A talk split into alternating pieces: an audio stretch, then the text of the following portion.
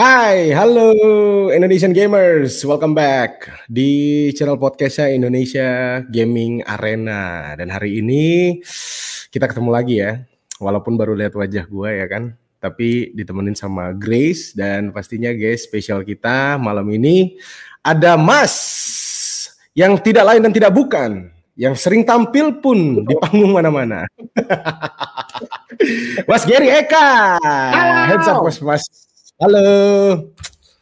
Waduh, lampu gimana kamu? lampu tak tak tak tak itu nggak ada ya Kebiasaan di panggung ya? Udah, udah udah lama enggak gitu maksudnya Udah lama. enggak. Mungkin kode ya buat yang biasa ngundang ya. nah Hmm, hmm, hmm.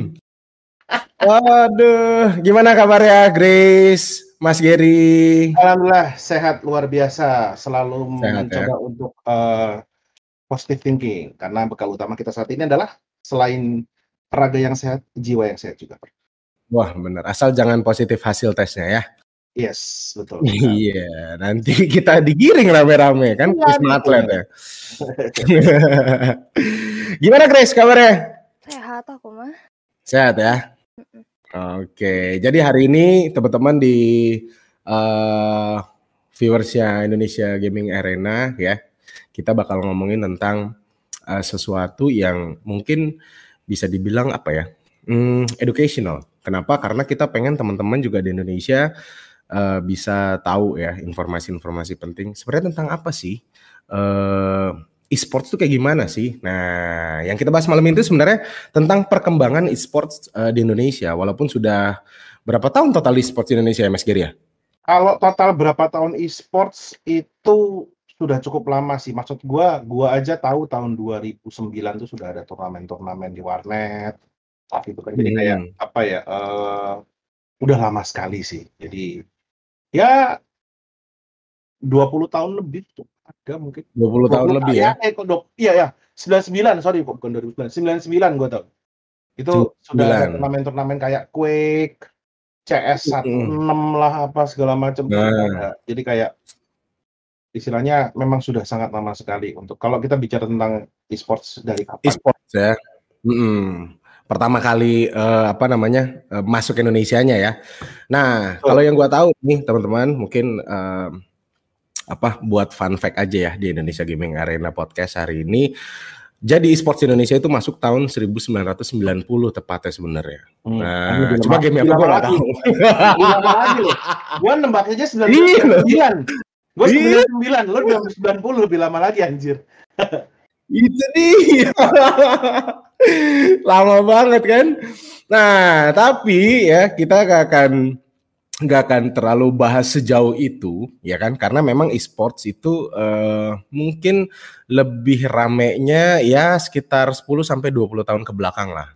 Karena teknologinya semakin canggih terus uh, didukung dengan apa namanya? Uh, eh, support dari banyak pihak ya, community-nya juga, gamersnya juga, dan lain-lain dan lain-lain. Nah, tapi kita pengen tahu dulu nih kalau Mas Gary Eka sendiri, cie, kan udah pada tahu kan, Mas Gary Eka nih seorang caster, seorang host, MC ya kan di dunia e-sports. Nah, kita pengen tahu nih Mas Gary cerita dulu, karena gue sendiri jujur nih, gue sendiri belum belum tahu sedetail itu. Kita kan nggak nggak bakal sayang kalau nggak kenalan, jadi kita tanya-tanya dulu. Mas Gary, Ya. pertama kali, nah Mas Gary terjun ke dunia e-sports, bukan sebagai host atau caster atau MC lo ya.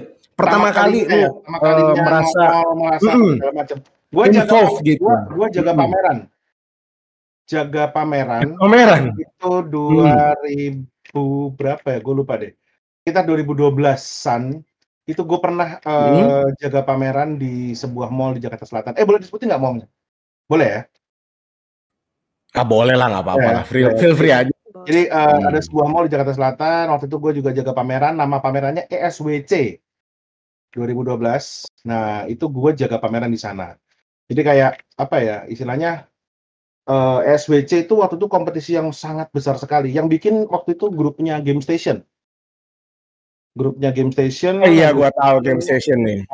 g- grupnya Game Station bikin. Habis itu eh, mereka bikin turnamen itu internasional apa nasional? Gue lupa internasional apa nasional. Tapi gede banget pak. Untuk Hmm. ukuran untuk ukuran eh, festival game kala itu itu besar sekali. Ah.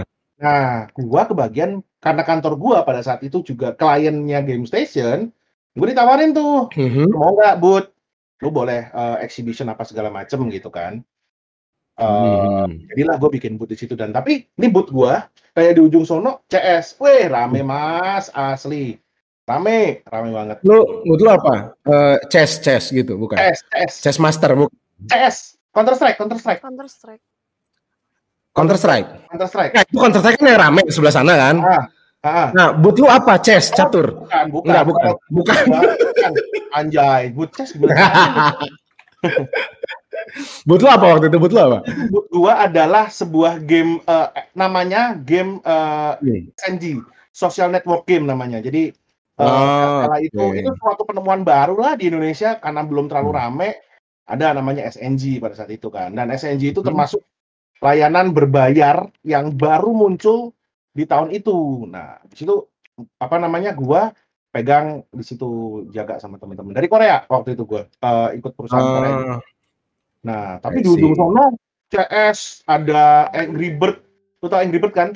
tahu lah, tahu. Angry. Bird mainnya di TV, mainnya di TV Pak tadi, Pak.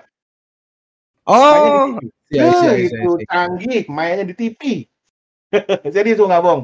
Mainnya di TV gede, Sony gitu yang waduh. Itu event Nah, event itu lima hari masih dapat outdoor. Plasanya Gandaria City belum seperti yang sekarang ya.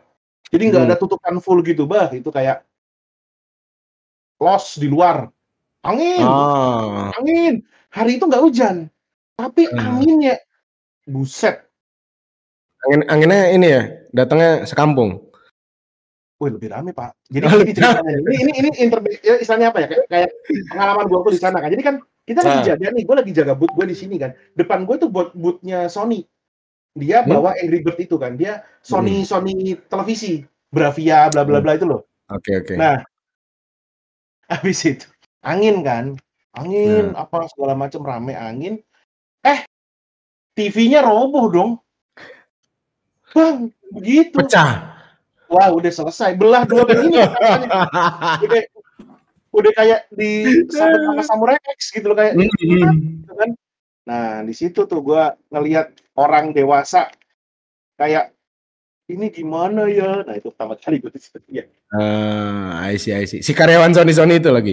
Yoi. Nah, sekarang lu suruh jaga booth. Hmm. Pada saat itu ya kalau menurut gue ya tahun 2012 Nah, eh TV Sony itu mahal sekali gitu loh. I mean like udah nggak mungkin kebeli lah kalau iya, iya, iya.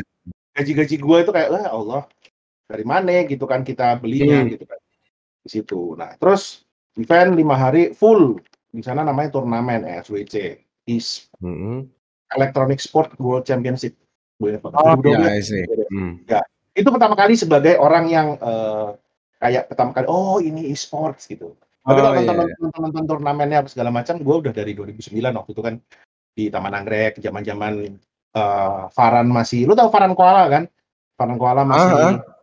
lagi wangi-wanginya lah, Ritter, Bahamut, Ya. itu lah generasi Ya. generasi abang-abangan kita lah. Dan Ya, dia ya, tahu ya, lah, ya. dan dia tahu lah generasi abang-abangan kita gitu loh. Nah itu. Iya, iya, iya, iya, iya. Berarti itu itu pertama kalinya lu ada di eh atmosfer Indonesia. sports ya. Betul sekali. Oke, tapi lu masih masih belum tertarik sama dunia e-sports waktu itu? Gimana Apa lu-? Kan gue jaga booth. Enggak, lu seorang gamers nggak waktu itu? Gamers. A- apa game yang lu mainin waktu itu? Oh, game warnet dong. game warnet apa waktu itu? C Ya, CS. waktu, CS. waktu itu gue masih main kayak game-game eh, enggak enggak enggak game warnet kayak MMORPG Oke, oke. ja- jadul-jadul jadul jad- kita boleh sebut ini kan eh, publisher kan ya kayak model-modelannya Lito, Megasus gitu-gitu loh Oh, yes. Lineage, apa Ya, segala ah, macam. ah, ah. kayak gitu Wah, I see, I see. Wah, ini nih. Nah, Grace, ada yang mau tanya nggak sama Siri? Ada nih. Nah, Apa aku mau tuh? tanya tuh. Boleh. em, Gimana perkembangan e-sport di Indonesia nih menurut Mas Giar nih? Mhm. Gimana? Perkembangan. perkembangan kalau perkembangan sekarang udah pasti kayak pesat banget ya soalnya gini dulu kita itu main game yang disebut dengan e-sports ataupun turnamen itu atau game yang dikompetisikan lah itu lu Hmm. main di monitornya kayak monitor si Daniel punya, alias monitor tabung gitu kan. Nah sekarang lu bisa main, lu nggak perlu download gamenya, cuman modal PC atau laptop yang memang uh, sedikit mumpuni, terus gamenya gamenya itu di langit, namanya cloud gaming. Nah, lu bayangin deh, dari komputer tabung ke game yang tidak kelihatan secara fisik, itu perkembangannya kan sangat pesat sekali ya. Iya, ya. berarti ini dari, dari uh, perkembangan hardware ya, yang nah ini kita bahas teknologi dulu ya. Oke oke oke oke oke. Nah, pada saat itu uh, ketika monitor tabung itu mulai ada dan mulai uh, marak lah kita istilahnya komputer segala macam di Indonesia, si game-game yang bermunculan juga kayak Quake, CS, dulu itu ada namanya uh, Battlefield, habis itu ada namanya Half-Life ya kalau yang nggak tahu Half Life berarti kita kayaknya gap umurnya jauh banget. nah, itu memang benar-benar menjamur banget dan mem, apa ya mendunia banget lah. Nah, terus dari mulai terima kasih sayang. Uh, LAN party kalau pernah ngalamin, eh anjir gue tua banget ya kesannya ya. Oh, ngalamin tuh LAN. Ya? Gue ngalamin itu.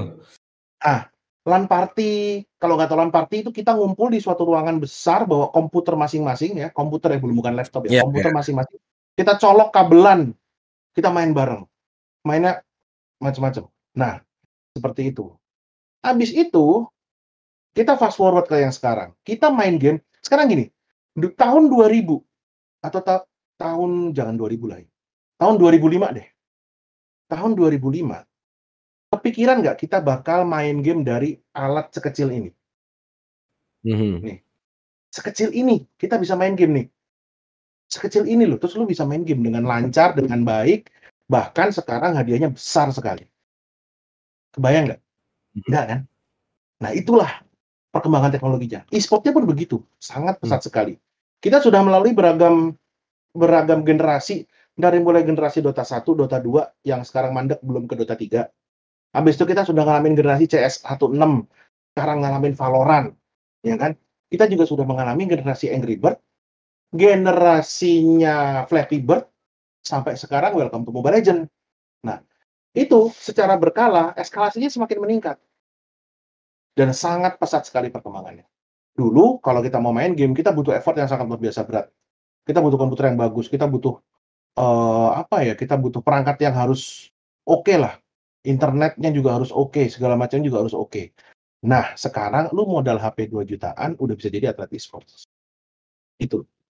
Bahkan sejutaan juga bisa loh Mas Ger. Nah, gua nggak mau ya kan? sejuta kayaknya nggak apes banget mainnya.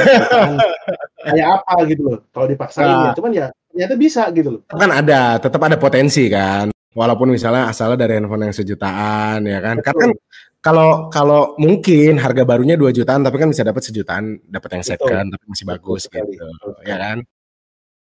Ada yang mau tanya lagi nggak, Grace? Ada tuh. Hmm, terus kalau masalah perjalanan karir nih Mas, gimana nih? Hmm.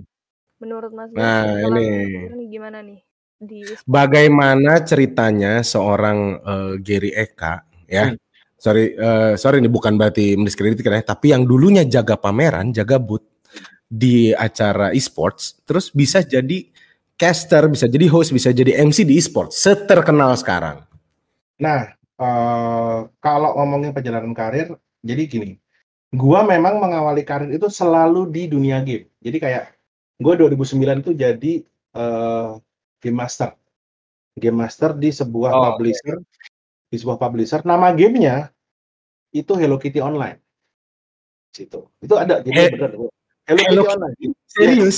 Serius Hello Kitty Online. Gua nggak Oh, Hello Kitty Online. Jadi kayak apa? Gamenya itu game game ringan banget yang memang didesain buat anak-anak lah buat anak-anak eh, remaja banget perempuan biasanya kan dan memang gamenya itu lucu-lucu gitu nah habis itu eh, kita juga pada saat itu eh, gua merangkap sebagai community manager Oke, CM ya. CM, community manager.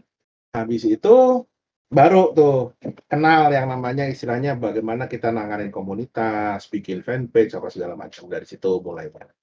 Nah, pekerjaan kedua gue juga tidak jauh dari uh, dunia game. Gue pindah ke publisher lain, publisher Korea yang gue tadi ceritain kan. Nah, di situ gue mulai mm -hmm. uh, megang project. Jadi kayak gue kayak head GM lah istilahnya. Sebelum gue mm -hmm. di, sebelum gue dipindahkan ke marketing. Marketing gue jadi waktu itu uh, di jadi ada project yang tadi gue bilang itu SNG Social Network Game. Mm -hmm. Jadi gue jadi marketing eksekutif di sana, terus handle produk namanya Mojogamon. Mojogamon itu kayak SNG. Jadi kita datengin game-game dari Korea dimasukin ke website. Jadi oh, kita main okay, gamenya okay. uh, web base, web base game gitu kan. Oh web base, web base. Berarti kayak kayak mini games gitu ya, nggak? Nah ini gitu ya? kalau mini games kan lu uh, istilahnya mini games kan banyak gitu kan. Ini ada hmm. sedikit lebih rumit lah, sedikit lebih rumit oh, dan oh. dan ada komunitinya juga. Jadi kayak lu bisa ngobrol di situ, lu bisa apa ya lu bisa macam-macam deh apa yang bisa kamu lakukan di situ kayak banyak banget yang bisa dilakukan di sana kayak main game uh, ngobrol segala macam. uh, real life interaction gitu di yes, situ ya? betul. cikal hmm. bakalnya sosial media sosial media sekarang deh kayak Facebook dan sebagainya itu cikal bakalnya di situ. Oke oke oke. oh bukan cikal bakal sih kayak cikal bakal game-game Facebook yang sekarang lebih lebih advance kayak gitu. Nah habis itu ketika uh, apa namanya sempet gue sempet geser setelah gue berapa tahun di label gue sempet geser gue eh gue se se setelah beberapa tahun gue di uh, publisher gue sempet geser gue ke label label musik habis itu gue juga uh, apa namanya sempat handle jadi manajer sebuah boy band manajer band lalu 2014 langsung fast forward Nah, gue masuk lagi ke dunia game lagi, tapi sebagai media. Gue waktu itu masuk ke game Kiki. Nah, dari situ gue hmm. banyak gue banyak dapat kesempatan untuk uh, mengembangkan apa yang gue kerjakan sekarang. Jadi uh, bisa dibilang cikal bakalnya itu titik awalnya pada saat itu gue dikasih kesempatan buat ngemsi acaranya uh, mall uh, payment gitu, hmm. sebuah payment gateway itu di XL Explore Central Park. Nah, gue di situ hmm. MC uh, dua hari eventnya mall sama event eventnya mall itu gamenya Black Squad sama Heroes of the Storm.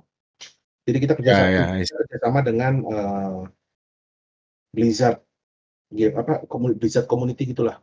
Dan di situ gue mulai MC MC. Terus gongnya adalah 2017. 2017 gue dapat kesempatan buat MC eventnya Mobile Legends yang pertama kali di Indonesia Nama eventnya hmm. itu adalah MSC Indonesia Qualifier. Jadi di Gandaria City. Uh, pada saat itu Sense Indo juaranya. Nah, di situ gue mulai kayak gue sedikit meragukan seramai apa uh, komunitas e-sports di Indonesia.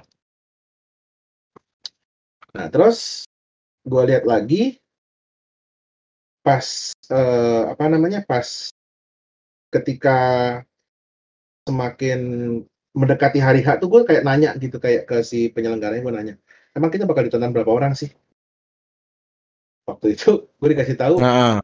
gue dikasih tahu ah, paling lima ratusan mas Gir ah, selo gitu kan ternyata yang 500 tuh maksudnya yang on the spot ya iya on the belum spot on the kan? spot kita nggak oh. ngomongin yang YouTube lah gue kira uh. kan ya bantu seorang lah ini selalu gitu kan. Yang datang tuh bisa tiga ribu orang pak. Itu dong. rame ya. Kumpul gua kayak di gedor sama Palu pak. Takut gua sumpah pak.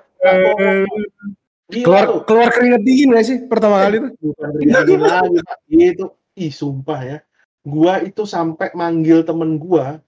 Gua waktu itu uh, ada temen gua dulu bekas uh, satu tim lah sama gua satu tim sama gua uh, di label gua itu hari ketiga hmm. hari kedua malam dia gua panggil.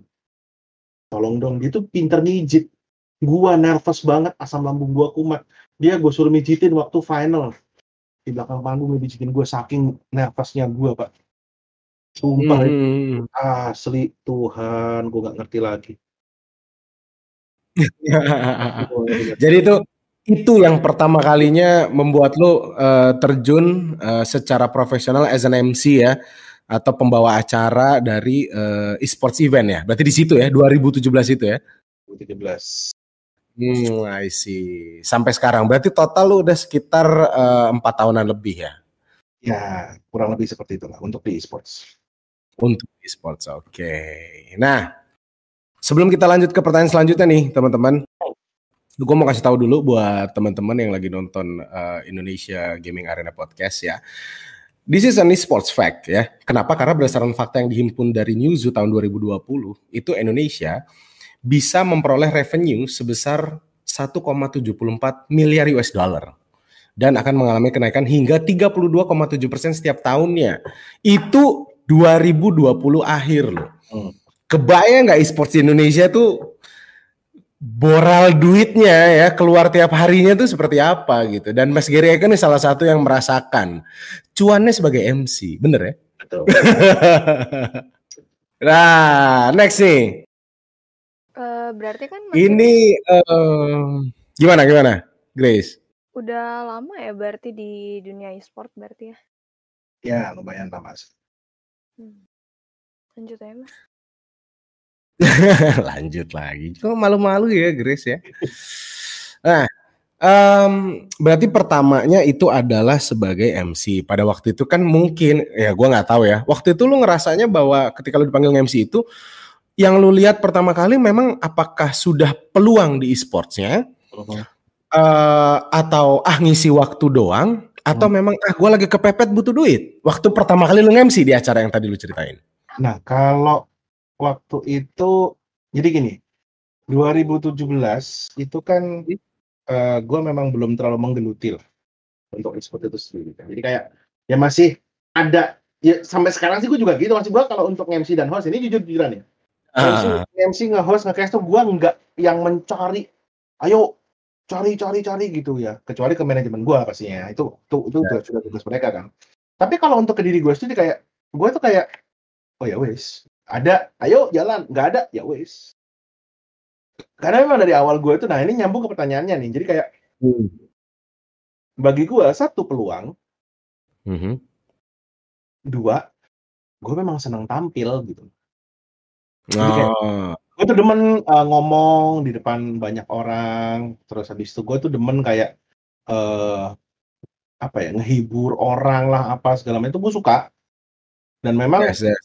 Dan memang kayak ya kesempatan gue kalau mendapatkan itu di panggung besar ya why not aja.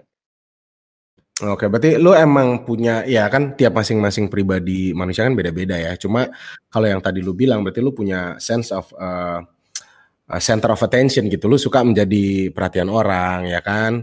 Dan setelah lu menjadi perhatian lu kan bisa menghibur orang juga. Oh. Gitu. Tapi kapan sih exactly? Nah, kalau tadi kan itu pertama kali lu nge-MC di event e-sports yang besar. Hmm. hmm. Gitu kan 2017. Nah, kapan exactly lu ngerasa termotivasi bahwa oke okay deh kayaknya nih e-sports nih uh, good enough lah buat gue gelutin gitu. Apakah mungkin nah, di 2018 apa oh. berapa gitu? Oke. Okay. Oke. Sebenarnya kalau e-sports itu sendiri exactly gue gelutin sebagai uh, hal yang memang harus didalamin itu mm -hmm. dari 2014 begitu 2014 ketika gue kerja di media. Kenapa? Pada saat itu gue harus meliput acara-acara e-sports, turnamen-turnamen dan segala macamnya dan segala macamnya. Mau nggak mau gue harus riset dong. Jadi hmm. si ini tuh timnya isinya ini, game ini apa segala macam. Nah itu dari 2014 sampai ya sampai sekarang gitu kan. 2017 gue sambil nge-MC itu gue kan juga uh, kerja di media juga. Nah. Kebetulan juga gue ditarik ke media itu karena memang kapabilitas gue di dunia e-sports gitu. Jadi kayak ya wes ayo kita berjuang bersama-sama membesarkan ini. Jadi ya uh, kalau dibilang kap, kapan e-sports jadi uh, istilahnya sesuatu yang harus gue iniin sebagai peluang ya dari sebelum gue nge-MC e-sports malah kayak gitu. Oh. Karena gue tahu someday someday ini akan bakal besar sekali. Oh, I see. Berarti memang lu sudah terjun duluan ke dalam e-sport, lu sudah yakin dulu sama e-sportsnya, baru lu menggeluti MC-nya ya berarti ya di 2017. Oh, Alright. Nah, Grace, ayo nanya sama Mas Giri. Mumpung ada loh, susah ketemu Mas Giri apalagi pandemi gini.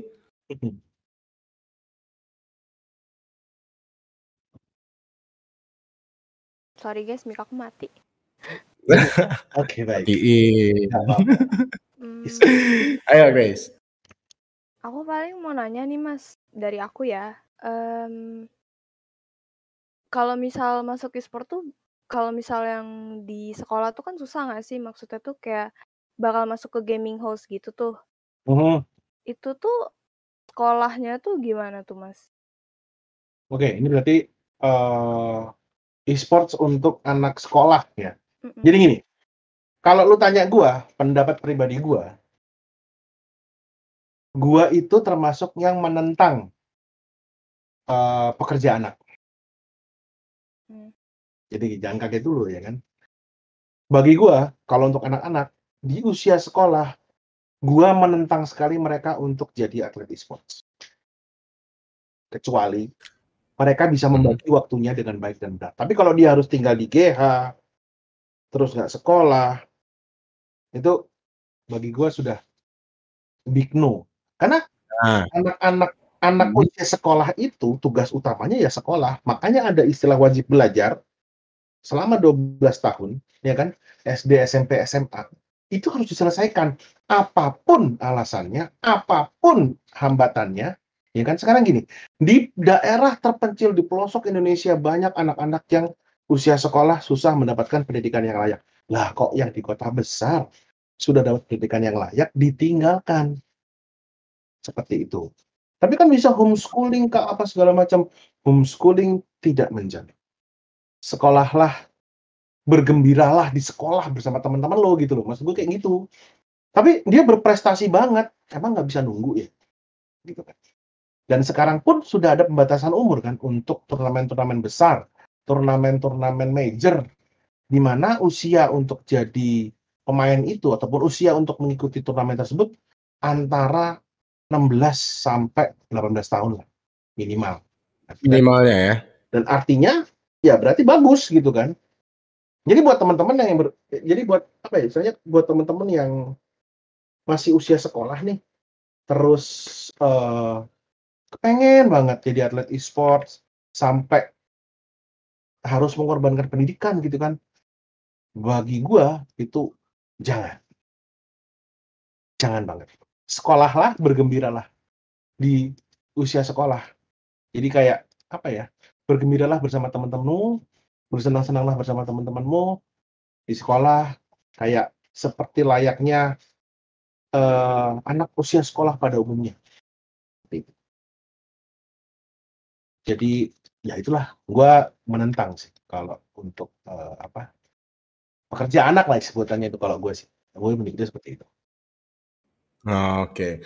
Tapi what if nih, Mas Geri, eee, yang gua tahu karena gue juga pernah ngobrol sama beberapa apa namanya, eee, praktisi yang Hmm. kerja di di bidang pendidikan ya. Hmm. Nah, mereka banyak bercerita bahwa beberapa sekolah yang ada di Indonesia, mungkin Hmm. hitungannya juga dibilang banyak banget belum, tapi Hmm. sudah ada beberapa sekolah di Indonesia yang akhirnya melegitimasi, eee, sebuah wadah untuk menampung bakat-bakat e-sports itu menjadi sebuah ekstrakurikuler. Nah, menurut lu seperti apa? Oke. Ekstrakurikuler sama profesi beda dong, ya kan. Ekstrakurikuler waktunya setelah jam sekolah. Oke. Kan, tidak mengganggu jam sekolah, ada pembatasan. Nggak mungkin kan, "Ayo kita bikin bootcamp ya, ekstrakurikuler, 8 jam latihan." Mati Pak anak orang, Pak. Habis lu suruh belajar Aduh. harus lu suruh latihan lagi, wadidaw wadidadaw. Gua nggak berani membayangkan anak gua nanti kayak gitu. Seperti itu. Jadi ada Oke. ada batasannya lah kalau kita ngomongin masalah ekstrakurikuler gitu kan, itu itu pasti dibatasin.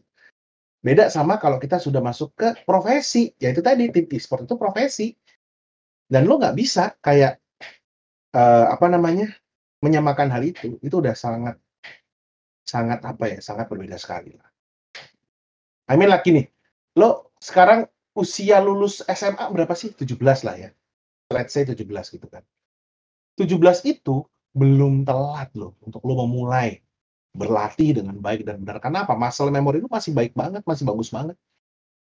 Dan gue yakin lepas sekolah, orang tua lu mungkin akan lebih lunak dalam artian, ya udahlah, udah lulus ini, nggak apa-apa, kasih kesempatan dia untuk berkembang apa segala macam. Apalagi dengan e-sport yang lebih maju, e-sport yang semakin ramai ya, semoga orang-orang tua di luar sana bisa terbuka gitu. Kayak gitu. Oke. Nah, next question nih. Masih ngobrol-ngobrol sama Mas Gerika. Eh, ngomong-ngomong teman-teman juga boleh ya kalau misalnya mau uh, kasih pertanyaan atau mau nanya hmm. apa pun sama Mas Gerika, langsung aja taruh uh, put di bagian komen ya. Yang nonton di YouTube terutama. Nanti tolong dibacain ya. Aku suka nge-scroll nge-scroll terbablas. Boleh, boleh, boleh, boleh. Nah, uh, kita masih ngomongin tentang dunia e-sports ada nggak sih um, sosok yang mungkin nggak tahu nih selama dari 2014 Mas Gary hmm. di hmm. dunia e-sports ya hmm. sosok yang paling uh, Mas Gary kagumi atau hmm. mungkin uh, inspiring person buat inspiring Mas person ya untuk uh, e-sport itu sendiri. Kalau aku dibilang iya. kalau untuk nasional, masalahnya gini kalau untuk dibilang uh, di Indonesia secara nasional gitu kan yang pengen gue idolain ternyata sudah berteman gitu loh. Ah oke okay, oke okay, oke. Okay. Jadi kayak apa? Lu, lu mention one lokal satu interlokal lah. Nah kalau lokal sih gue itu respect banget sama uh, yang sekarang jadi teman ya. Ya akhirnya kita semua berteman. Tapi siapa yang nggak kenal orang ini lah? Istilahnya siapa yang yeah, kenal yeah. orang ini itu kan Pak Edi Lim. Pak Edi Lim. Ya, Pak Edi Lim dari Liga oh, Game. Dia okay. sebagai salah satu apa ya orang yang turut membawa dan mengenalkan lah istilahnya. Ya uh, kalau kalau kita mah di anak-anak e-sports mah as well known kita bisa manggilnya Ko Edi lah ya. Nah, Ko Edi lah ya, Ko Edi uh. itu orang ya istilahnya orang yang mau bleeding pertama lah untuk nah, di ya. e-sports Indonesia gitu. Jadi kayak ya kita gua sangat respect sama beliau. Jadi kayak siapa yang kepikiran sih lu bakal bikin event-event kayak gini gitu. Ya, berarti dia salah satu yang dulu pengen uh, inisiasi ya semua yang ya. bisa sampai jadi sekarang tuh ya. Betul. Oke. Kayak gitu. Grace nanya dong gantian dong. Grace nih kayaknya dari tadi beresin rambut terus. Hah? Lagi beresin panjang rambutnya. 2 meter. 2 meter. A few moments later. Menurut Mas Ger nih, gimana hmm. ya, uh, gimana sih ke mana gitu arah tujuan e-sport Indonesia nih ke depannya tuh gimana? Hmm. Ke mana arahnya? Terus hmm. kira-kira bakal jadi kayak gimana ya nantinya? Oke, ke mana arahnya? Ke mana arahnya itu pasti gini, kalau ditanya ke mana, pasti semua orang akan menjawab ke arah yang lebih baik, tapi ke arah yang lebih baik itu kayak gimana? Sekarang sudah di jalan yang benar nih e-sport Indonesia kalau menurut gue ya, maksud gue, -hmm sekarang itu sudah banyak brand-brand non endemik besar yang ingin tap in ke dalam e-sport. Jadi kayak uh, dulu kalau bikin event turnamen ya sponsornya ya kayak kalau nggak brand IT ya kan? Brand komputer kayak jauh-jauh gitu loh. Sekarang bang makanan terus apa lagi? Rokok terus apa lagi? Banyak deh brand-brand non endemik yang juga ikut turun ke dalam e-sports gitu kan. Bikin event mensponsori event gitu kan. Dan e, bisa dibilang ini adalah suatu sinyal yang baik lah karena e-sports itu sudah semakin mainstream e-sports itu sudah semakin orang banyak yang tahu dan siapa yang mengira e-sport bisa masuk TV seperti itu. Nah kalau nanti bakalan ke mana ya pasti pengen lebihnya itu lebih meluas lagi. Jadi gue pengennya itu e-sports itu lebih ramah sama anak baru atau orang baru. Jadi buat orang-orang yang ingin nyemplung di dunia e-sports, buat orang-orang yang pengen bergabung, buat orang-orang yang istilahnya ternyata harus terpaksa gabung. Nah, kita harus menciptakan atmosfer dan scene e-sports yang lebih ramah untuk menerima mereka. Apalagi kalau mereka ini benar-benar orang yang ada kemampuannya, tahu harus ngapain dan pastinya juga mereka orang-orang yang datang dengan kemauan untuk belajar dan berkembang kayak gitu. Jadi bisa dipastikan ke depannya bakal banyak lagi orang yang ikutan, lebih banyak lagi orang yang in, lebih ramai lagi dan lebih luar biasa lagi lah. Apalagi uh, mungkin ya seiring dengan perkembangannya Indonesia ini kan salah satu negara yang menjadi tujuan destinasi dari perkembangan e-sports yang ada di dunia juga nih Mas Kira kalau menurut gua ya. Kalau menurut lo gimana? Hmm. Karena Gimana gimana sorry, bisa diulang? Iya, jadi Indonesia ini eh menurut yang pernah gua alamin ya, karena gue juga pernah kerja di salah satu perusahaan e-sport, Hmm. Hmm. menjadi salah satu destinasi tujuan perkembangan e-sports yang ada di dunia. Betul. Apalagi perusahaan-perusahaan dari yang tadi Mas Gary aja udah pernah di perusahaan Korea ya kan? Ah, Ah, gue pernah ah, di perusahaan China. Terus ada yang dari perusahaan Jepang. Nah, menurut informasi yang gue terima, justru dari negara-negara publisher atau eh, game game makernya sendiri gitu ya, itu mereka tuh melihat Indonesia tuh sebagai salah satu negara yang potensial banget secara bisnis ya. Kalau kita ngomong Iya. bisnis ya kan. Nah, menurut lo dalam lima tahun ke depan, ya kan? Kalau sekarang kan kita kayak masih kadang suka masih agak tertinggal sedikit lah sama negara lain. Hmm. Nah, dalam lima tahun ke depan, menurut lo, apakah Indonesia juga bisa eh, menghasilkan perusahaan-perusahaan yang mungkin sekelas dengan perusahaan-perusahaan yang ada di luar negeri sana sebagai publisher game mungkin atau sebagai game maker mungkin supaya bisa bergabung juga atau bersaing juga di industri sports yang ada di dunia. Menurut lo gimana, Mas Ker? Bisa bisa aja, kenapa tidak?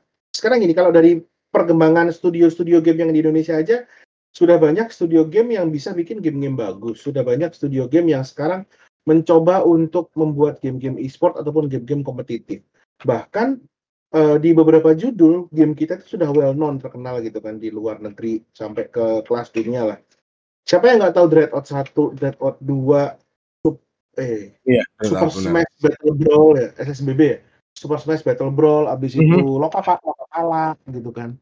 Terus eh Coffee Talk gitu kan. Dan itu kan game-game yang dihasilkan oleh eh, studio-studio game di Indonesia, developer game, developer game Indonesia. Jadi kayak Iya, ya.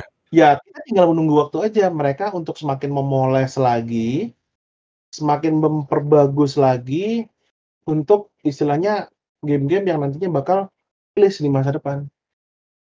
Seperti itu. Tuh, dengerin Grace. Nah, Grace, mau nanya apa? Ada nih, ada pertanyaan dari viewers YouTube nih. Oke, kita Mhm. tanya ya dari viewers YouTube ya. Dari Pet Daily Curhatan. Katanya gini, mau nanya bang, dibanding negara lain, perkembangan e-sport di Hmm. Indonesia tuh udah sampai level mana? Dibanding negara lain ya. Sekarang gini, eh, perbandingan negara eh, gimana ngomongnya? Sports Indonesia itu kan banyak banget nih. Eh, apa ya kalau gue bisa bilang tuh gamenya, ya. Kalau bisa dibilang perbandingannya dengan negara lain, in general, gue bilang ya, kalau untuk game PC kita nggak jauh-jauh amat lah ketinggalannya, gitu kan.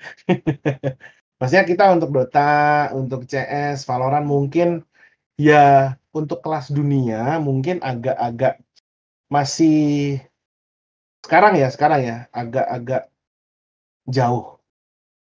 Istilahnya dalam artian salah, bukan agak jauh, agak berat untuk ngejarnya gitu kan. Cuman untuk Asia Tenggara oke lah kita, masih bisa oke lah, bersaing dengan baik lah kita. Tapi kalau untuk kelas game mobile, kita cukup well known loh di dunia. Bener. Untuk PUBG Hmm. Mobile, untuk Free Fire, untuk Mobile Legends itu kita luar biasa terkenalnya. Di game PC memang eh, yang istilahnya lebih mature, lebih dulu, kita sempet nih. Tapi ya gitu, semakin ke sini semakin jarang. Entah karena memang gamenya sendiri atau persaing atau turnamennya sendiri udah mulai jarang atau gimana. Coba ya kita bisa ngeliat lah. Eh, terakhir kita juara tingkat internasional untuk game PC mungkin kayak sebatas PUBG PC, lalu Point Blank. Valorant gue belum tahu. CSGO kita dulu sering banget juara di tingkat eh, dunia. Dota 2, ya kan? Tapi ya jujur aja, langkah kita tuh masih kayak berat lah untuk bisa bersaing di tingkat dunia. Tapi kalau untuk di mobile ada masa depan yang sangat cerah gitu kan di kompetisi-kompetisi di dunia.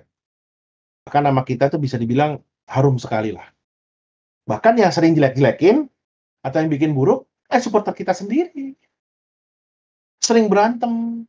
Padahal ya sama-sama membela nama Indonesia. Oh, tapi berantem mulu di kolom komen. Ya, ya. Gitu. Nah, um, menurut lo nih, Mas Ger, apa sih yang yang ha harus dibenahi dari uh, dunia atau industri e-sports yang sekarang berkembang di Indonesia. Menurut lo apa yang harus kita improve, yang harus kita perhatiin nih untuk bisa menunjang si industri e-sportsnya sendiri supaya okay. uh, berkembangnya itu semakin lancar gitu. Apa yang menurut hmm. harus diperhatiin? Banyak banget sih kalau sekarang kalau ngomongin apa yang harus diperhatiin ya, hmm. itu banyak banget. Jadi kayak uh, mulai dari mentalitas, ya kan mentalitas dari playernya, Hmm. mentalitas penontonnya, gitu kan. Sekarang itu, uh, kalau gue bilang kalah dikit bubar. Kalah dikit bubar. Ya, Jadi gimana Diceng-cengin gitu ya? Ya. Lu tim tim amatir nih. Hmm. Dan lu punya potensi gitu kan. Tapi lu baru ikut satu dua turnamen kalah bubar. Bikin tim yeah. lagi. Nanti gitu lagi. Terus aja. Life cycle-nya seperti itu. Nah, kalau terus-terusan seperti itu, ya nggak mungkin ada regenerasi gitu. Kayak gitu. Nggak ada lagi kita bisa melihat kayak siapa yang mau siapa yang bisa uh, kalau gue sih patokannya karena gue uh, lebih mengenal game mobile ya. Istilahnya hmm. ada lagi orang dengan hero pool sebanyak lemon gitu di Mobile Legend atau gue belum pernah lihat orang dengan kemampuan seperti yang dilakukan oleh teman-teman dari Bigetron Red Alliance gitu dan regenerasinya itu harus dipupuk, harus diciptakan sejak sekarang. Jangan sampai kemudian berhenti atau mati cuma gara-gara susah untuk naik ke atasnya gitu. Kalau zaman dulu, kita ngomongin zaman dulu, orang atau tim ketemu lawan yang susah, dia penasaran. Gue pernah baca di sebuah blog, banyak sekali, jadi si blog itu membahas prestasi dari tim fanatik Indonesia kalau nggak Waktu itu tim nyari terbahamut dan segala macam kumpul lah. Misalnya hmm. uh, all player best, best all player zaman dulu lah. Isi kolom komennya apa tahu? Mereka semua nantangin. Penasaran pengen nantangin main Dota gimana lawan tim tersebut. Ah. Kayak gitu. Kalau sekarang orang ketemu Bigetron di dalam sebuah pertandingan mundur pak jauh rotasinya muter lagi mhm. lewat laut kalau bisa kayak gitu ada emang tim-tim komunitas yang tidak seperti itu tapi ya mostly sekarang ya uh, mereka kayak kalau gue bilang ya kalau gue bilang nih ya takut untuk bersaing seperti oh. itu terus dari mentalitas player sekarang sekarang itu lagi musim baru mau baru main setahun dua tahun pensiun. Tapi tapi geser jadi streamer. Alasannya capek. Memang stream nggak capek? Iya capek sama. Cuman beda hmm. pressernya. Tapi maksud gue gini, lifespan dia sebagai atlet e-sport tuh masih panjang seharusnya. Iya, benar-benar. Umurnya tuh masih kayak usia emasnya tuh masih masih oke okay banget. Sangat produktif lah ya sebagai orang atlet e-sports ya. Tuh, sayang sekali kalau sampai terus tiba-tiba berhenti tengah jalan. Tergoda dengan ya udahlah gue streaming aja lah. Karena streaming duitnya lebih gampang, dapetin yeah. fame-nya lebih gampang. Benar. Effortnya nggak terlalu, effortnya mungkin hanya sebatas apa ya, menciptakan entertainment lah kalau gue bilang sih. Ya, kalau kita streaming kan emang hibur kan. Iya, iya, benar. Seperti itu. Ya, jadi pressure-nya lebih, lebih ringan lah ya. Lebih, lebih ringan lah, lebih ringan. Hmm. Gitu kan. Kan sayang banget gitu loh. Emang lu nggak pengen ngejar prestasi yang lebih lagi, lebih lagi, lebih lagi. Gitu. Kayak gitu. Banyak kok yang sayang kayak gitu. Main setahun dua tahun pensi. nah, tahun pensi. ini nih, Grace harus dengerin yang kayak gini kayak gini.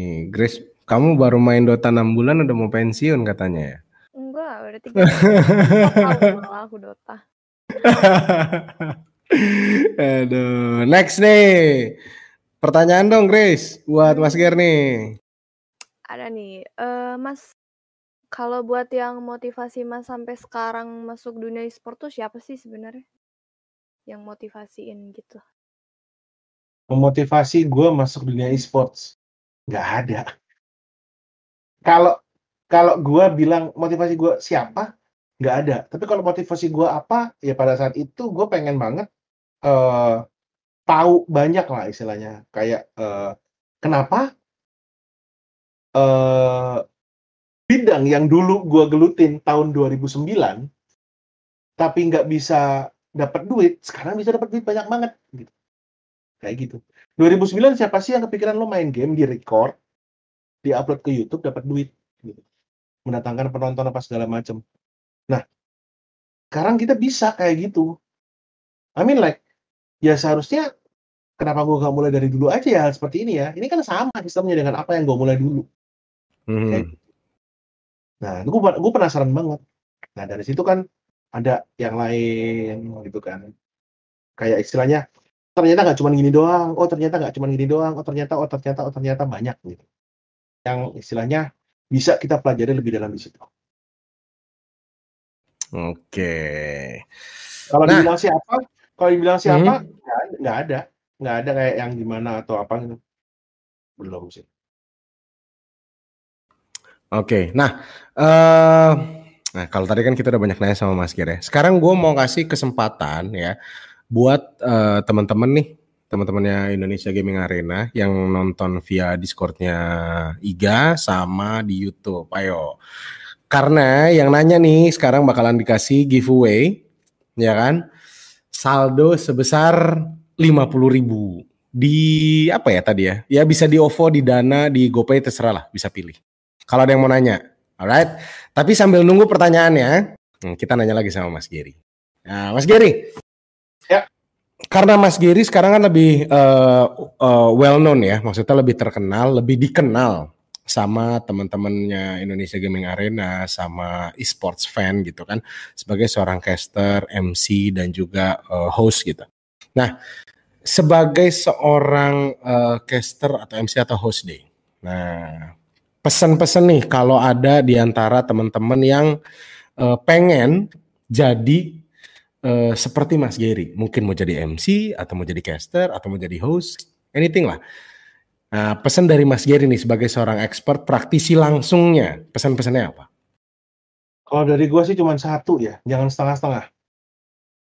Istilahnya jangan setengah-setengah itu gini.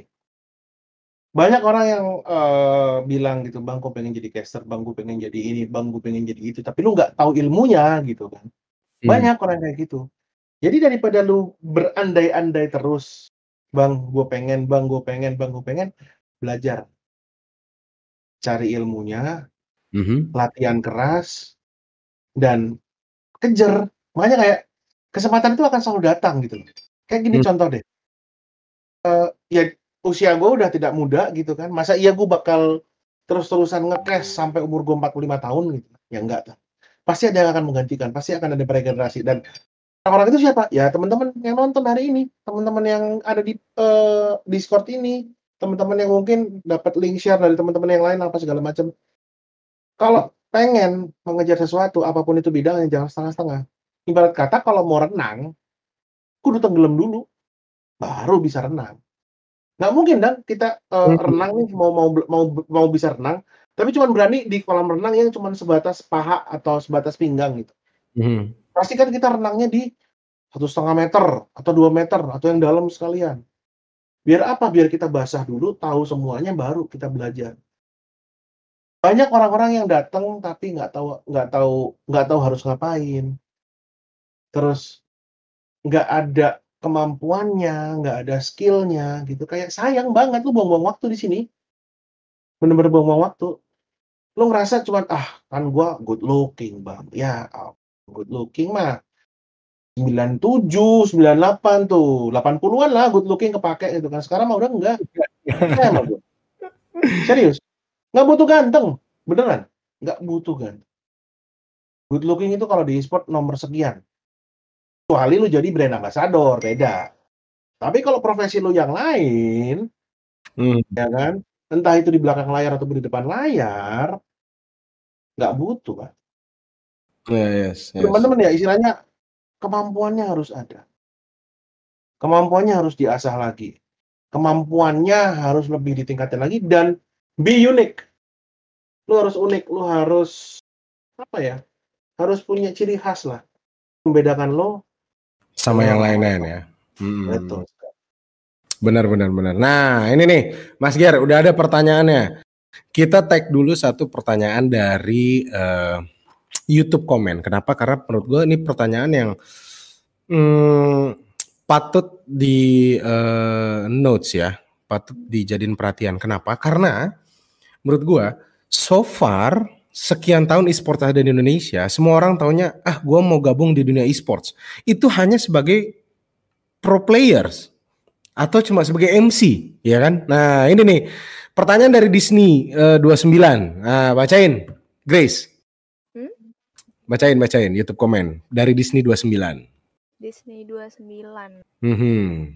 Hmm. Katanya gini, ada trik and tips gak sih bang untuk terjun ke dunia e-sport agar kita gak cuma main game doang? Nah maksudnya mungkin ya mungkin apakah selain jadi pro player atau sebagai MC atau sebagai host, ada nggak sih um, apa namanya profesi atau posisi lain di e-sports yang bisa kita terjun selain main game gitu? Bisa dong. Sekarang itu e-sport sudah menjadi sebuah ekosistem. Nggak cuman atletnya tapi juga ada bidang-bidang lain. Gue sebutin, gue bisa nyebutin 10 lah pekerjaan atau jenis profesi yang bisa kalian temukan atau tekuni di dunia e-sports. Kita mulai dari hmm. yang di belakang layar dulu. Okay. Ada yang namanya ada yang namanya observer. Itu orang yang tugasnya mengoperasikan kamera selama jalannya pertandingan. Ada yang namanya produser. Ada yang namanya director. Ada yang namanya kita geser sedikit ke tengah stage manager. Mm-hmm. Ada yang namanya liaison officer. Terus kalau kita ngomongin ke arah gamenya, ada yang namanya community manager, ada yang namanya translator, banyak banget. Sekarang itu kalau kamu mau masuk di dunia e-sports, ya aku yakin nih, contoh lah, Daniel. Daniel emang bisa main game apa? Gak bisa. Tapi dia salah satu orang yang banyak berkecimpung di dunia e-sports gitu loh. Tugasnya Daniel, tugasnya Daniel ngapain? Banyak pak ya kan? Dari mulai referee, ya kan? Marshal, terus pengawas pertandingan. Nah, itu emang bukan dunia e-sport. Masuk. Yes. Itu. Uh, kalau kita bicara kayak uh, beberapa puluh tahun yang lalu ya mungkin cuma atletnya doang, tapi sekarang udah lebih luas lagi. Bahkan ya ada sebuah perusahaan kamera sebuah apa ya kalau gue bilang sih ini uh, yang biasa iniin kamera lah. Itu sekarang juga ada yang khusus e-sports.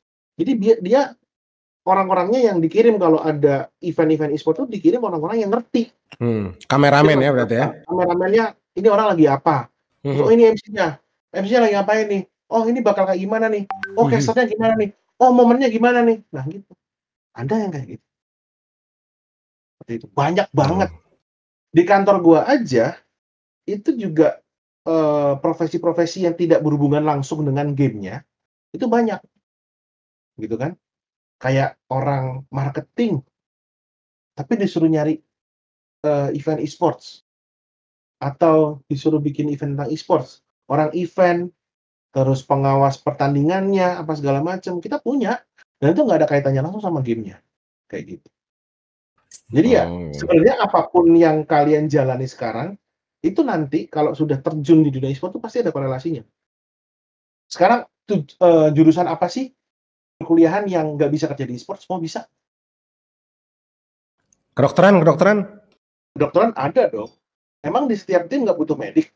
Nah, sekarang, nah. sekarang bahkan ada tim yang punya dokter pribadi mm-hmm. dan psikologis dan ada psikiater pribadi. Ya, psikiater benar. Terus apa lagi? Teknik elektro ya banyak lagi pak. Sekarang bikin GH butuh kemampuan seperti itu. Ya betul. Ya kan? Manajemen apalagi? Gimana nggak gimana kita mau dapat cuan dapat untung? Kalau kita nggak bisa mm -hmm. jualan. Jualan apa nih? Talent ya kan? Jualan apa nih? Event exposure segala macam kayak gitu. Gimana kita tahu basicnya lah? Yes. Tinggal menyesuaikan sama e-sportsnya. Ya nggak mas Ger? Betul. Betul. Oke, okay. gue mau buka satu uh, slot ya. Ini khusus buat teman-teman yang uh, join in di Discordnya Indonesia Gaming Arena. Yang pengen nanya langsung uh, put di komen sekarang dan akan dibuka mic-nya. Monggo. Nah, sambil kita nunggu nih Mas. Boleh, boleh. Yuk, yuk, yang mau nanya yuk. di channelnya Indonesia Gaming Arena. Langsung, langsung. Eh, dapat saldo lo langsung nih. Exo Soldier, udah nih langsung dibukain aja mic-nya, Neil. Halo, Exo Exo Shoulder 13. Halo. Nah, Halo, ini nih. ya. Halo. Exo Halo, dengan siapa nih? Namanya siapa? Namanya siapa? Dengan Niko di Surabaya. Oh, Mas Niko Surabaya. Nah, Iya. Nah, jadi saya cerita aja dulu ya. Kita kan ada teman saya ini kan eh, membuat sebuah pertandingan ya. Nah, sebenarnya pemainnya ini kalau kita lihat di komunitasnya sudah banyak, sudah ribuan. Nah, cuman menariknya itu adalah ketika kita membuat pertandingan itu, memang ini baru pertama kali ya, mungkin nggak tahu mungkin di tempat lain apa pernah ada atau belum. Nah, itu pesertanya itu menaik peserta itu sangat sulit sekali. Kira-kira ada tips nggak? Ini selain untuk nilai hadiah ya, kira-kira ada tipsnya nggak, Mas? hmm. Jadi ceritanya nih event pengen nyari peserta sepi susah gitu, tapi pengen naikin Iya, bukan susah. dari bukan dari eh, besarnya hadiah. Iya, Nah, caranya adalah exposure, Mas. Sejauh mana kamu menyebarkan atau mendistribusikan berita tentang event tersebut? Sejauh mana kamu rela untuk istilahnya nge-share berita tersebut? Nggak, nggak apa ya? Nggak bisa kalau kita eh, cuman kita bikin event terus kita nge-share di Facebook pribadi kita. Nggak bisa. Nggak bisa. Kita berharap, oh, gue punya teman kan banyak nih, ada 3000 orang nih teman gue di Facebook. Nggak bisa. Nggak bakal bisa sebagai gambaran, kalau turnamen daily yang diadakan oleh kantor gua aja, kita sudah pakai automatic. Jadi bener-bener yang exposure itu harus benar-benar dimanfaatin. Sejauh mana orang-orang orang lu kejar untuk lu kasih tahu kalau eh gue punya event nih ikutan yuk kayak gitu. Jadi kayak gimana ya? eh ini cuma masalah distribusi sama promosi aja promosi yang gratis juga banyak. Kayak gini contoh nih, gue pernah promosiin sebuah turnamen, itu gue ngepost ke ada kali sekitar 80 sampai 100 grup Facebook secara manual. Itu gue pernah. Tuh satu, satu, satu, satu, satu gitu. Nah, apakah sudah pernah, apakah sudah dilakukan hal itu? Kalau kalau wah saya udah bang ke grup Facebook banyak nih, ambil jalur yang lebih apa ya lebih jauh lagi lalu kan sosmed kan sekarang kan gede bener nih gitu kan gua juga pernah PM misalnya gini gua bikin chat grup lah isinya itu teman-teman Facebook gua jadi kayak sekali kita bisa bikin chat grup itu kan sekitar 15 sampai 20 orang gua bikin jadi gua, gua bikin chat grup 20 orang broadcast message. Bikin lagi broadcast message. Nggak cukup di Facebook, di WhatsApp pribadi gua. Gue bikin kayak gitu. Jadi ini cuman eh, sejauh mana kita mau menyebarkan berita bahwa ayo ikut event gue, hadiahnya segini. Tapi jangan cuman nyebarin doang. Di dalam informasi yang kita sebarkan, itu juga harus berisikan informasi-informasi yang apa efektif, efisien, sama tepat guna. Efektif, pesannya jangan panjang-panjang. Efisien, pesannya tersampaikan. Tepat guna, lu nyebarin ke orang-orang yang bakal ngikutin event lu. Seperti itu. Kayak contoh, lu nggak mungkin nyebarin kalau lu, paling gampang kalau kita jualan deh. Lu jualan pelek, atau lu jualan handphone. Lu pengen handphone lu laku, tapi lu nawarinya ke komunitas emak-emak penjahit. Agak susah kan? Atau lu pengen jualan barang yang lebih spesifik lagi nih, kayak contoh, eh lu mau jualan audio atau contohnya headset gua kayak gini nih. Sekarang promosi ini endorse. Lu pengen jualan headset, tapi lu nawarinnya ke maaf nih ya, komunitas Vespa lama. salah Ya. sasaran. Ya mungkin bisa, cuman ya bakal banyak sekali eh apa ya istilahnya kalau gue kalau gue bilang sih kayak orang-orang yang tidak perlu lo kasih tahu kayak effort lu kayak kebuang sia-sia kayak gitu bisa dimengerti bisa cukup menjawab mas Oke, oke. mantap Oke. Nah, next Grace dipilihin. Atau ada yang mau nanya lagi nggak dari eh, teman-teman di Discordnya Iga? Kalau ada, coba ayo. Langsung komen. Nanti kita pilih siapa ya. Grace, pilih Grace. Dari YouTube ya? Atau dari Discord aja? Dari Discord dulu. Satu lagi dari Discord dulu. Ada nih dari si Siapa? Iqbal ya? Iqbal Kadafi ya. Oke. Open mic-nya, Bung Daniel.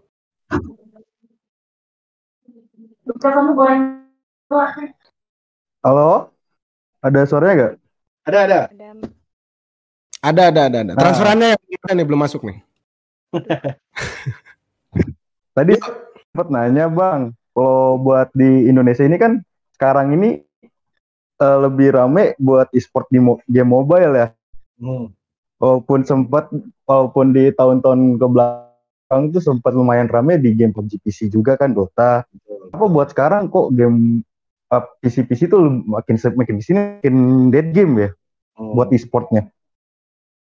sebenarnya gini kalau dibilang dead game sih enggak ya karena komunitas mereka tuh masih tetap hidup dan di luar negeri juga masih rame banget Bang.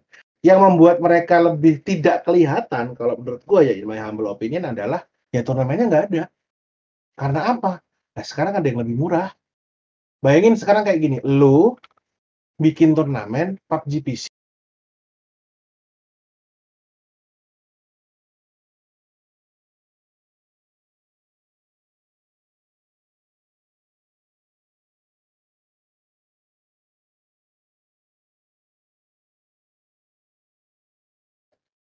eh ada yang lebih murah nih pakai HP ya kan? Apalagi HP ini udah pasti disetting sedemikian rupa dari pabrikan ya udah sama gitu kan. Kayak gitu. Jadi selain eh, apalagi kalau pesertanya disuruh bawa HP masing-masing. Sekarang kan kalau nggak turnamen major kan HP pasti peserta bawa masing-masing kan? Ya, sebenarnya tuh. jadi ya sekarang Iya itu juga sih. Berarti kenapa seperti itu? Ya pasti lebih murah. Low cost high reward terus sekarang exposure-nya juga lagi tinggi banget di game mobile ya Mhm. pasti akan menggeser pelan-pelan game PC seperti itu Eh, sama satu lagi deh. Tapi apa buat ke depannya bakal bisa ada lagi nggak turnamen-turnamen game PC? Maksudnya kayak lebih bakal rame lagi atau enggak? Apa tetap kayak sekarang ini? kalau dibilang lebih rame lagi ini kita lagi lagi banyak banget game-game yang memang disetting untuk bermain banyak orang tapi spesifikasinya itu tidak terlalu berat. Kayak Apex Legends itu kan nggak Valorant itu nggak berat. Jadi ya kita berharap aja dah lepas pandemi sekarang aja Valorant aja banyak udah banyak turnamen-turnamen lah. Meskipun eh, segmented banget tapi udah cukup banyak di depan Valorant Valorant itu. Dan Point Blank juga masih belum mati masih ramai masih ada event tahunan. Masih besar sekali. Jadi kayak eh apakah bakal mati atau enggak? Kalau gue jawab sih enggak. Masih akan hidup selama gamenya belum tutup dan selama penggemarnya di Indonesia masih ada dan selama masih ada IO yang berani untuk bikin eventnya why not? Berarti semuanya tergantung komunitas uh, Iya, game juga betul. ya mas ya? komunitas gamenya aja komunitas gamenya aja sekarang gini eh apa namanya dibikin turnamen Dota harus ada bandlist dulu emang lu takut ketemu Boom kenapa harus di bandlist emang Boom gak boleh ikut turnamen Iya. Iya. ya kan Iya benar. ada sama benar. segala macam itu nggak bisa kayak gitu jadi ya istilahnya dalam artian eh kita harus tetap apa ya harus tetap kita sendiri yang menghidupkan gitu loh. Kalau bukan dari kita siapa lagi? Sebentar sebentar. Kenapa dek? Sebentar sebentar. Bentar ya bentar guys. Bentar guys. Nah, sambil nungguin Mas Gary nih. Teman-teman, gue bakal bacain beberapa esports fact ya tentang uh, esports yang related di Indonesia. Jadi katanya nih di tahun 2020-2021 ya um, ada salah satu media esports uh, yang menyatakan, tapi ini dirasain sama semuanya bahwa dia uh, si media ini mengalami kenaikan traffic mungkin uh, viewersnya atau readersnya sampai 60 persen. Gitu. Keren nggak? Berarti kan e-sports di Indonesia berkembang banget, ya nggak Grace? Hmm. Hmm, hmm. Oke, okay, back to Mas Giri. Lanjut nih. Jadi kalau dari kita sendiri yang juga ikut andil dalam membesarkan scene-nya, membesarkan komunitasnya. Sekarang ini, kalau kita bikin turnamen, misalnya IO lah, ada IO bikin turnamen, slotnya uh, untuk 16 tim, yang ikut cuma 4 tim. Gimana? udah sewa tempat, sediain apa segala macam. Yang ikut cuma empat tim. Puyeng nggak tuh? Kapok nggak ionya? Ya kapok lah bikin turnamen lagi. Iya. Yeah. Kayak gitu. Jadi kayak ya nggak bisa kalau kita kalau dari kitanya juga nggak ikutan untuk uh, membangun, misalnya ikut membangkitkan uh, scene-nya tersebut ya susah kalau kita nggak mau ikut campur, kita nggak mau ikut uh, apa ya, ikut andil turun langsung itu ya susah. Susah banget. Oke, okay, enough ya pertanyaannya Iqbal. Iqbal, halo. Orangnya ke mana ya? Langsung nge-mute lagi. Mending nge-mute, udah di-mute ini dia kayaknya. Oke oke oke. Tapi thanks berat ya Iqbal pertanyaannya. Uh, Mas Gary, uh, ini bakal ada dua pertanyaan terakhir nih sebelum kita close ya. Ini ada uh, pertanyaan, uh, ini gue kayaknya agak-agak uh, apa ya? Hmm, bisa dibilang uh, spesifik mengenai persaingan di dunia e-sports yang ada di Indonesia. Nah, pertanyaan ini adalah dari Michael Samuel yang ada di uh, YouTube komen nih, Mas ya. Gary. Dia bilang, ini penasaran, penasaran sama pendapat Mas Gary. Berarti sudut pandang dari lu nih, Mas. Ya. Mengenai rumor, katanya ada satu perusahaan itu yang melarang organisasi e-sports. Nah, yang tergabung dalam liganya hmm. untuk memiliki atau membentuk divisi game kompetitornya. Nah, kayaknya gue tahu nih. Kebaca nggak Mas Gary pertanyaannya?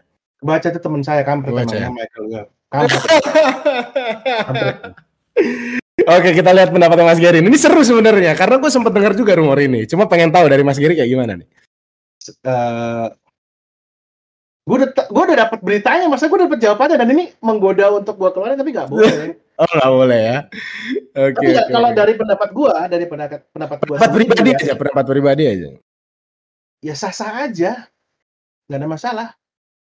Nggak ada masalah asalkan, ya. Asalkan, Hmm. Ini kan namanya eksklusif. Ya, ya. Iya nggak sih? Ini kan namanya kan kontrak eksklusif. Asalkan nilainya cocok, owner timnya tidak keberatan, why not? Sekarang beritanya juga owner tim Indonesia nggak ada yang rewel. Mana coba nah. cari ada owner tim yang membantah ataupun rewel hari ini. Kalaupun memang dijalankan, makanya kan masih rumor. Yes, yes, Nanti yes, kalau yes, yes, kan yes. kalau udah mendengar hal ini kan biasanya berarti berarti mereka akan mengeluarkan statement atau apa segala macam. Atau nggak usah under team deh, kayak head of esportsnya aja deh. Mm-hmm. Tinggi tingginya apa segala macam. Masih pada silent semua. Karena memang ini masih rumor dan kalau tidak ada suara-suara kekecewaan, mm-hmm. berarti nilainya besar. berarti kalau nilainya besar berarti masih cincai lah ya. Nah sekarang gini nih, saya balikin pertanyaannya ke Indonesia Gaming hmm. Arena. Kalau Indonesia Gaming Arena nih uh, ada kontrak masuk dari sponsor. Hmm. Eh, saya dari e-commerce A. Ya. Mau bikin uh, event di apa namanya di, di pakai pakai jasanya IGA gitu ya. Uh, hmm. Ya boleh ada e-commerce lain yang masuk ya. Iya. Yeah. Benar nggak sih? Daniel jawab Daniel. Nah, itu semudah itu. Kalau nilainya hmm. menyes kalau kalau nilainya cocok. Yes. Ya kan kalau nilainya cocok. Yes. Ya why not gitu ya, kayak ya kan harusnya kan ada ada ada nilai yang uh, untuk kontrak-kontrak lain dong ya Mas Ger ya. Betul. Nggak, oh, iya, mungkin nggak mungkin semata-mata tiba-tiba langsung dilarang. Kayak Ya, eh ya. nggak boleh ya tolong. Pasti ada pembicaraan bisnis di balik itu yang kita nggak tahu. Iya, iya. dan melibatkan uang. Dan uangnya sangat besar sekali. Iya, Lalu, iya, iya. gue belum melihat ada komplain ataupun statement dari tim-tim yang merasa punya eh, divisi tersebut gitu. Jadi ya fine lah It's okay It's okay lah ya. Oke. Tuh, kata Michael Samuel, thank you jawabannya Mas Ger dan Iga. Oke, sama-sama Michael Samuel. Last but not least, Grace, you choose the question from YouTube comment. Hmm, taruh cari. Cari satu pertanyaan terakhir ya sebelum kita eh, close. Nanti eh, sebelum kita udahan nih sama Mas Geri Eka ya, kita bakal memilih. Saya pilih satu, Mas Geri pilih satu, Grace pilih satu. Eh, siapa yang tadi udah nanya, baik itu put comment maupun live ya, eh, untuk mendapatkan Rp50.000 masing-masing dari eh, Indonesia Gaming Arena dalam bentuk saldo OVO, GoPay atau Dana. Oke, pertanyaan terakhir dulu, Grace. Ada nih dari Kang Bakso. Buset. Aduh di luar nih. Gue takut, takut sih jujur sih. Takut gue nih. Gini. Itu tadi loh. Nah, Kang ini. Ayo, apa pertanyaannya? Katanya gini, aku penasaran nih pendapat Mas Gar mengenai room. Eh, bukan, maaf, sorry, sorry, sorry. Lo lo lo lo lo, balik ke situ. Nah, tadi aku baca soalnya panjang-panjang. Oke oke. Menurut lo, apa yang harus kita lakukan biar skin sport Dota 2 kita bisa maju? Soalnya sedih juga kemarin lihat tim kita gagal lagi masuk TI. TI. Oke. Oh ya. Oke, gimana tuh Mas Ger? Berarti ini masukan buat eh, teman-teman eh, Dota players ya, Sin Esports. Karena gue juga termasuk salah satu Dota player surahura tapi. Ini jawabannya back to basic, simple banget. Main betul. Dota, Jawabannya main Dota. main Dota. Kalau yang Ram- main banyak, ini contoh aja nih, contoh nih, Hmm, contoh hmm, paling hmm. simpel. Battle Pass muncul lu beli kan, Yes. ya kan? Hmm. Beberapa player bahkan mengeluarkan uang yang sangat banyak untuk memenuhi level Battle Pass-nya. Kenapa? Lu daripada cuman jadi Battle Pass doang, indah di mata lu, kenapa lu nggak kumpulin lima orang yang sama duitnya punya banyak kayak lu, lu bikin tim. Ada orang kayak gitu, Ini sportnya. ya kan? Ada orang kayak gitu. 10 tim aja di Indonesia, rame lagi dotanya. Yakin gue. Yakin Nah, gua. Army Genius, tim asal Batam, itu diciptakan karena hobinya si owner. Lu bayangin, hobinya main Dota, dia suka Dota, bikin tim. Lah gua hobi makan Indomie. Susah. bikin tim dong. Tim mukbang, tim mukbang.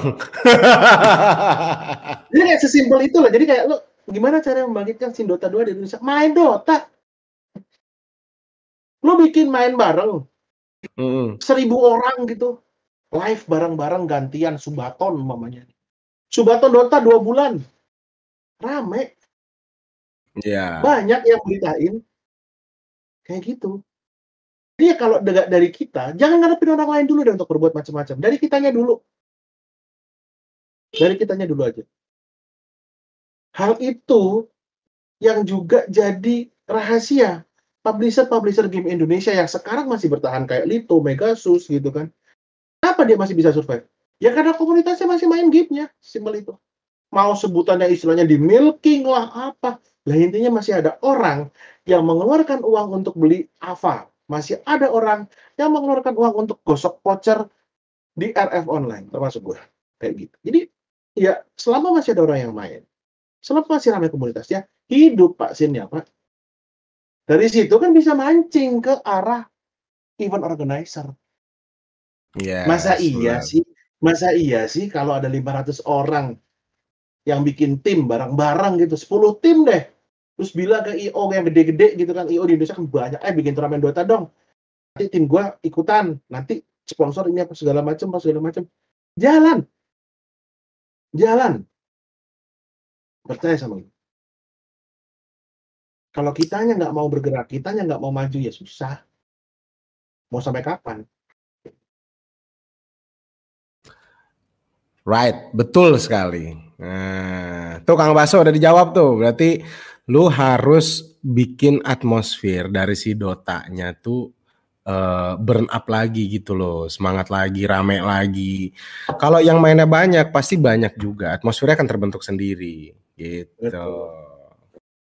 Oke, kalau gitu ini ngobrol-ngobrolnya nggak kerasa ya, udah one hour Udah hampir satu setengah jam loh. Tapi nggak apa-apa karena waktu kita yang terbatas. Nanti kita simpen lagi. Kapan-kapan kita bakal undang lagi Mas Geri Aka untuk mampir lagi ke ya. podcastnya Indonesia Gaming Arena. Tapi sebelum ya. itu kita kasih kesempatan buat Mas Geri Eka pilih dari semua pertanyaan yang tadi masuk ya baik live maupun YouTube komen atau yang ada juga di Discord T3. Silakan Mas Ger, pilih satu yang berhak ngedapetin uh, saldo OVO GoPay atau Dana dari IGA? Ya udah itu aja tadi Michael Samuel. Michael Samuel ya. Pertanyaannya membagongkan. Alright, Michael Samuel.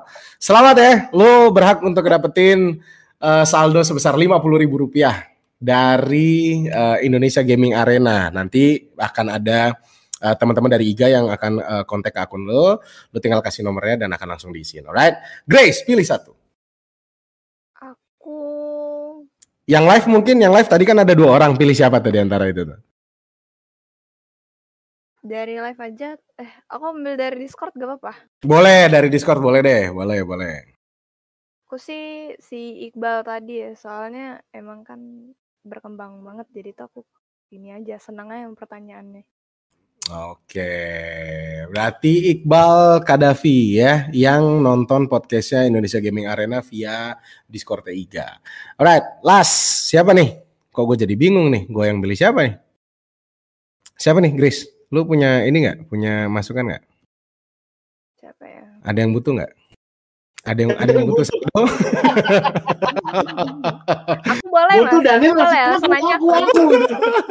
Ini langsung ngechat gue nih, Japri nih, gue aja baik gitu. aja, gue aja. Mayan makan siang besok pusing gitu. Coba gue cari di uh, ini deh di podcast Iga deh. Siapa ya yang tadi nanya ya, yang sempat kita panggil. Oh yang tadi live aja satu tuh siapa ya namanya ya? X apa gitu tadi? X Soldier iya, iya. 13 TH. Yang tadi. Exo Soldier 13. Oke deh, buat lo deh kalau gitu saldonya ya.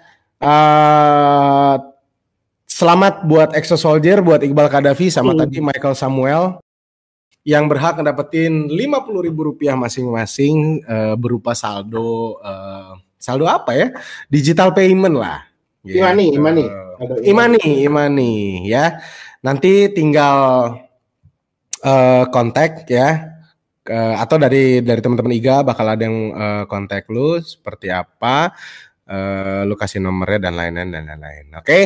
Kalau gitu Mas Geri Eka, ya. terima kasih banget buat ngobrol-ngobrolnya ya. barengan di Indonesia Gaming Arena Podcast.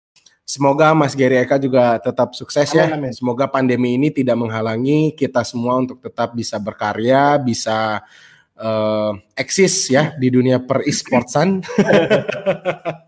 Terima kasih juga buat teman-teman yang udah uh, nonton kita via YouTube-nya Iga, terus yang udah stay tune juga di uh, Discord-nya Iga. Mas Geri Eka, pesan-pesan terakhir buat teman-teman di scene esports Indonesia sebelum kita closing. Jangan berhenti bermimpi, tetap berlari. Nah, itu aja. Alright. Nah, Mas Geri, uh, katanya ini tadi waktu awal nih sebelum kita mulai, katanya Mas Geri mau uh, bantu ya teman-teman yang oh, pengen iya, iya. promosi. Gimana nih, Mas? Promosi, okay, Mas. Uh, promosi, Mas. ya, teman-teman uh, di Discord IGA ataupun di YouTube ya, yang punya usaha kuliner ataupun UMKM ya terdampak pandemi, silahkan tag saya di story atau di feed di Instagram Himasger, H I M A S G E R ya. Silakan tag saya di feed ataupun di story. Nanti saya akan bantu promosi gratis buat kalian semuanya ya. Kita survive bareng-bareng. Saya tahu kita tidak berada di kapal yang sama. Saya tahu kita mungkin tidak berada di kondisi yang sama, tapi saya yakin kita semua berada di badai yang sama. Jadi mari kita bersama-sama melewati ini semua. Kita survive bareng, selamat bareng. Nanti kalau memang benar-benar pandemi ini sudah berakhir, sudah apa ya, kita sudah diperbolehkan untuk beramai-ramai lagi, kumpul-kumpul lagi. Mari kita ketemu, mari kita ngobrol, tidak melalui online seperti ini ya. Mari kita nongkrong bareng kayak dulu lagi, kondisi normal lagi lah istilahnya. Saya bisa pinjem Dan nggak pakai masker lagi, Mas. pakai masker lagi, saya bisa minjem koreksi Daniel lagi, saya bisa minta rokok ke Daniel lagi meskipun gue sekarang udah nggak ngerokok gitu kan. At least ya kita having fun kayak dulu lagi lah. Jadi sekali lagi buat teman-teman yang punya usaha kuliner ataupun UMKM apa pun itu UMKM ya usaha mikro dan ya, ya usaha kecil dan menengah apa ya UMKM lah home industry Yes. ya yang terdampak pandemi silakan tag saya di feed Instagram atau story Instagram nanti saya akan repost saya bantu promosi gratis for free For free, teman-teman. Wah, thanks berat nih Mas Gary Eka bantuannya buat teman-teman. Buat siapa pun boleh ya, silakan tag ke Mas Gary Eka yang punya eh, apa eh, usaha-usaha kecil menengah. Instagram Semoga gua- kita semua gua ketik di eh, podcast chat ya kalau ada yang boleh, ketinggalan boleh, boleh, boleh banget, boleh banget, Mas Ger. Jadi semoga semuanya eh, siapa pun ya, gue yakin tidak ada satu orang pun yang selamat dari badai ini. Tapi yang jelas semoga semuanya sehat, semuanya tetap semangat dan kita bisa bertemu lagi sesuai dengan yang tadi Mas Eka bilang dalam suasana yang nggak pakai masker, yang kita bisa seru-seruan, yang bisa pokoknya nggak ada jarak lah. Kalau kayak gini kan eh, Mas Gary Eka di mana, saya di mana, ya kan Grace di mana. Semoga nanti kita bisa bikin podcastnya live gitu, barengan Betul. bertiga di satu tempat bersama-sama tanpa ada lagi takut-takutan. Alright, Mas Gary Eka, Terima kasih. thanks berat, Grace, thank you juga. Ya, sampai ketemu di eh, podcast-podcast selanjutnya dan jangan lupa nih. Nah, ternyata kita ada podcast juga nih minggu depan yang pengen eh, kita umumin ya. Minggu depan bakalan ada podcast tetap ya di podcastnya Indonesia Gaming Arena dengan tema perkembangan eh, perkembangan esports di Malaysia dan Singapura dibandingkan dengan di Indonesia. Alright. Buat teman-teman, terima kasih semuanya buat Indonesia Gaming Arena. Terima kasih juga buat eh, ngundang Mas Gary Eka, udah ngundang eh, gue, udah ngundang Grace juga. Thank you. Selamat malam semuanya. Wassalamualaikum warahmatullahi wabarakatuh. Sampai ketemu di podcast Indonesia Gaming Arena berikutnya. Bye bye.